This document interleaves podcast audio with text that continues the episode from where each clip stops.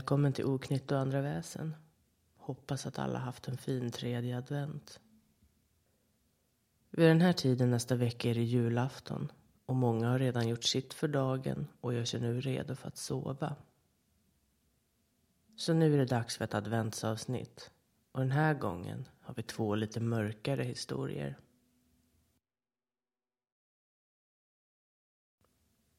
Gunbritt vaknade till ett oväntat oljud en kall julaftonsmorgon. Förvirrad smög hon sig ut till gården och möttes av en skrämmande syn. Hennes två äldre bröder stod ansikte mot ansikte med ett förvirrat troll. Och innan hon hann reagera hade trollet gått i anfall och bragt hennes bröder om livet. Och därmed förvandlades julen till en mardröm för hela familjen.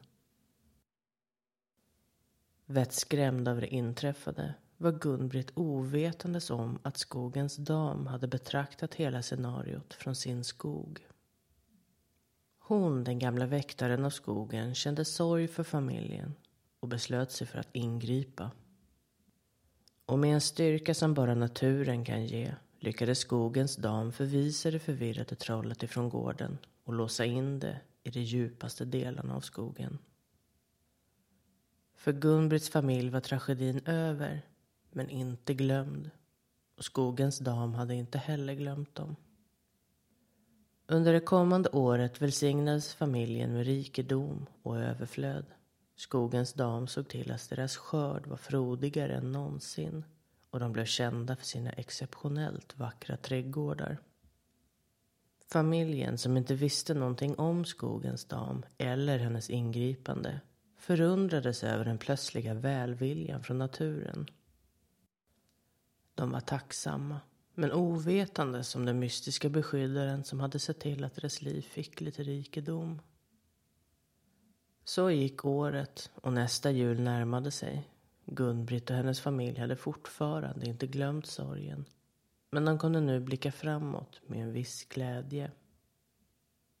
De visste inte att skogens dam från sin osynliga position höll vaksamhet över dem och var redo att ingripa igen om det behövdes. Vi går direkt vidare till nästa historia. I den lilla byn Hede låg en skrämmande tystnad under den tredje advent. Människorna höll sina dörrar låsta och fönstren stängda medan den blodtörstiga julbocken strövade genom de snötäckta gatorna. Ingen vågade sova ordentligt för i bleka skenet av månen visade sig julbocken vara en ondskefull varelse. Varje natt hemsökte julbocken byns invånare med sina röda ögon som lyste som glödande kol. Byborna kunde höra dess tunga andetag och klövar som klippte genom den kalla vinternatten. Hede var fylld med skräck och ingen gick säker från den blodtörstiga julbocken. Några tappra bybor samlades i den gamla träkyrkan och bad för skydd från julbockens ondska. Prästen försökte trösta dem med bibelord. Men rädslan var så stark att det var omöjligt att finna tröst. Människorna försökte förena sig för att stå emot den blodtörstiga bocken och skydda sina hem och sina kära. En kall decembernatt samlades byns modigaste själar för att konfrontera bocken med facklor och modiga hjärtan gav de sig ut i mörkret. Ljudet av klövar närmade sig och rädslan grep tag i dem när julbocken visade sig i skuggorna. En strid utkämpades mellan byborna och den blodtörstiga bocken som dräpte flera av människorna i striden för att släcka sin törst och längtan efter blod. Gnistrande snövirvlar dansade runt dem och blodtörsten slocknade till slut i kampens hetta. Byborna stod enade, men besegrade av julbocken ännu en gång. Dränkt i blod så drog sig bocken tillbaka in i de djupa skogarna. Från den natten och framåt kunde de som överlevt bocken det här året skatta sig lyckliga. Men med den vetskapen om att nästa år kunde det vara deras tur att gå samma öde till mötes som deras grannar. Advent kommer alltid att vara en skräckens månad i Hede. Den gamla prästen i byn lutade sig tungt mot predikstolen och lät sina trötta ögon vandra över hela byns folk som samlades i den gamla träkyrkan. Hans röst, vanligtvis fylld av hopp, var nu dämpad av sorg.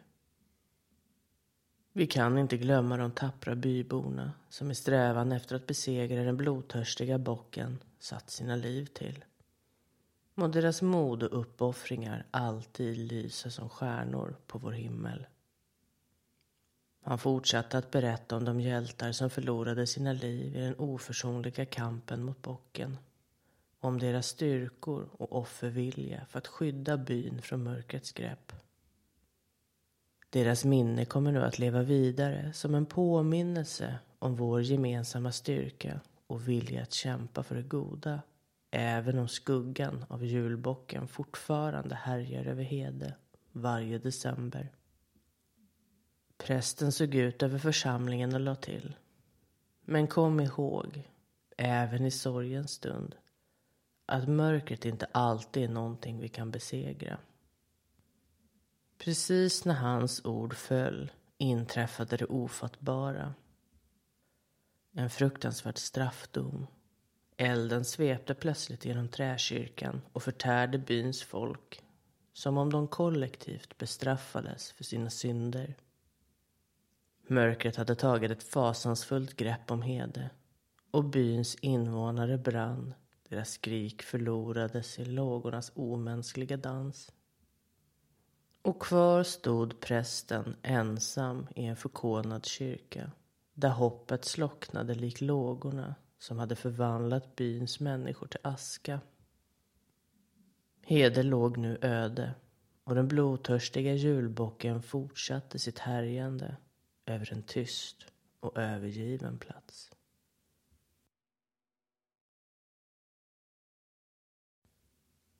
Tack för era historier. Med det sagt så säger vi godnatt och tills nästa gång.